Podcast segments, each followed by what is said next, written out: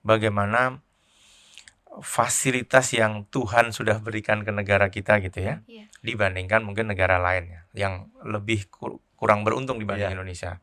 Nah, bagaimana milenial menyi- menyikapin? Menurut saya tadi, Indonesia ruang belajar yang masih terbuka, ruang berimprovisasi masih sangat terbuka, termasuk melakukan inovasi-inovasi yang tadi, yang harusnya inovasi itu hasilnya dinikmatin oleh masyarakat. Semua. Hmm. Hmm.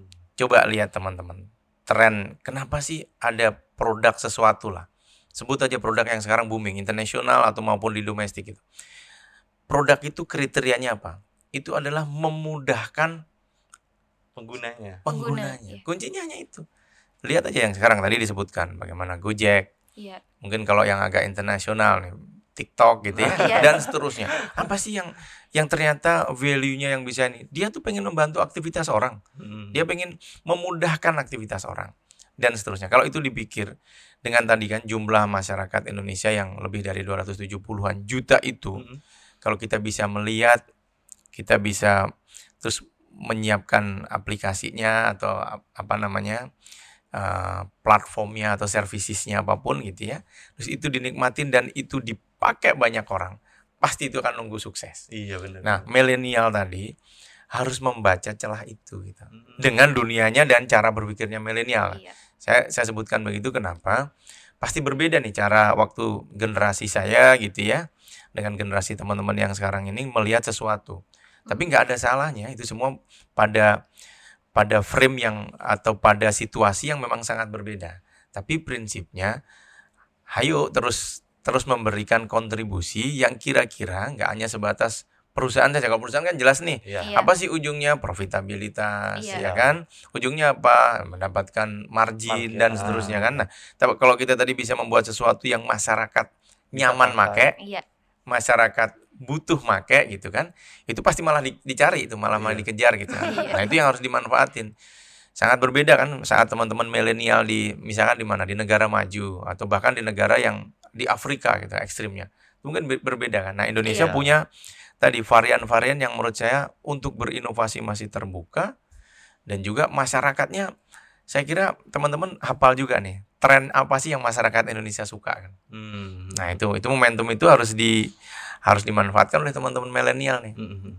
Karena tiap negara juga emang beda-beda ya karakteristiknya apa. Eh Chief, jadi emang harus disesuaikan ya. Agak gini ngomongnya masih agak lupa Bapak Chief ya. Iya, suka kayak masih belibet gitu. Iya. Ka- makanya kalau di kita yang Iya. di, di di kami nih di Direktorat Enterprise saya sih manggil semua sebenarnya bro sama sis Oh. Oh. lebih memudahkan udah Zaman Pokok- sekarang banget ya. iya pokok cowok bro mau level apa pun panggil aja bro, Bro. Biar cewek lebih semua panggil sis gitu enak kan nggak perlu ngapalin dari bapak ibu Iya, ah, iya. Biar deket juga ya Chief Nah, ya. itu. Lebih ikrip ya. Iya, Akrab. akrab kali. Ikrip. Nah, eh, tadi Chief kan kita udah ngobrolnya kayaknya berat ya Chief. Iya, berat. agak agak kayak eh, apa teknis gitu ya. Nah, kita sekarang yang agak agak ringan, Agak ringan dulu. ringan. Gimana sih Chief nih dari segala pencapaian yang udah Chief gapai sa- sampai saat ini, gimana sih cara untuk menghadapi stres? Pasti kan stres ya. Pasti stres lah ya. kayak Kita, kita aja, kita aja udah stres apalagi dengan tanggung jawab yang besar udah di level direktur. Mm-mm, makanya gimana nih Chief kira-kira untuk menghadapi si stresnya ini? Kalau kita lihat juga sebenarnya di Kita juga sosmednya di Chief sosial kayaknya media suka berkebun gitu ya ya kayaknya. ada suka juga bela diri bela juga. suka olahraga juga Olahraga ya. juga suka. Boleh di Iya. share nih Chief. Em, saya saya kira gini setiap orang gitu ya pasti punya eh, masa-masa sulit atau atau menghadapi stres itu saya kira common lah hampir Iya. semua orang tapi yang Betul. bagi kalau bagi saya gitu hidup ini kan pilihan nih Iya. Nah, mau milih yang seperti apa? Apakah stres terus kita nikmatin stres itu kan enggak kan? Tapi bagaimana nyari way out-nya tadi. Iya. Dan saya yakinin setiap orang berbeda-beda cara menghandlenya. Hmm. Nah, tapi bisa juga belajar kita dari orang yang sedang menghadapi masalah seakan-akan masalah itu ada di kita. Hmm. Sehingga nanti saat katakanlah ada tanda-tanda kita menerima masalah itu kita sudah punya pola gitu. Iya. Satu itu. Yang kedua jangan lupa juga sebenarnya teman-teman gini. Bagaimana peran orang tua. Hmm. Itu juga menurut saya penting. karena ya kita yakinin lah begitu ya doa orang tua itu mungkin sangat dahsyat gitu. Nah, kalau bagi saya gitu. Saya dulu mengibaratkan tuh begini. kita gitu ya kalau dalam satu keluarga nih ya itu anak itu dan orang tua tuh saya analogikan kalau di, di, di saya nih ya, saya analogikan itu ibarat kayak kapal yang sedang berlabuh Hmm, di mana pun kapal itu berlabuh tahu nggak pasti ada pangkalannya dong iya. Nah, Harus balik lagi Nah, ke mana ada ya, pelabuhannya Cip? dong Iya, gitu nah pelabuhannya itu di orang tua Hmm. Nah nanti one day teman-teman di milenial yang milenial yang sudah berkeluarga, saya yakin nah di masa apa pun filosofi itu masuk dan termasuk saya juga didik anak saya juga gitu. Udah nggak usah tadi memanage stres tuh siapa pun pasti ngadepin masalah Pasti kok. Dengan perubahan zaman apa pun setiap orang juga ngadepin, tapi nggak usah panik sebagai anak kalau masih punya orang tua dan setiap anak kan pasti ada orang tuanya Iya. begitu ya. Apalagi teman-teman yang join di Telkom ini kan pasti sampai eh, tes dan seterusnya kan ada struktur keluarganya yang Iya. dicek Iya. juga gitu ya.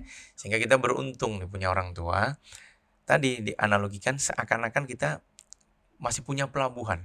Hmm. Once ada sesuatu itu ya tadi kapal pesiar segede apa pun yang sedang ada di lautan sana terombang-ambing ombak misalkan, dia tahu kan, ya udah baliknya Iya. ke mana ke pelabuhan. Iya benar. Nah itu yang saya merasa ya kenapa harus stres yang berlebih gitu. Iya. Karena toh kita masih punya referensi selain tentunya. Yang ketiga agama yang kita Iya. pegang gitu. Agamanya masing-masing nga- mengajarkan kepada kita semua bahwa itu juga menjadi pegangan hidup kita gitu. Karena ujungnya gini. Kita mau hidup berapa lama sih? Iya Iya. Nah, kita mau hidup tadi pilihan tadi kan mewarnain kehidupan ini seperti apa. Nah, kalau itu bisa menjadi pegangan kita, mudah-mudahan tidak jauh dari rel yang sudah di apa digariskan oleh agama dan ajaran kita gitu. Tuh, jadi berarti dinikmatin aja sih Iya, stresnya. Terus dica- dinikmatin. iya dinikmatin dan dicari jalan Jalan-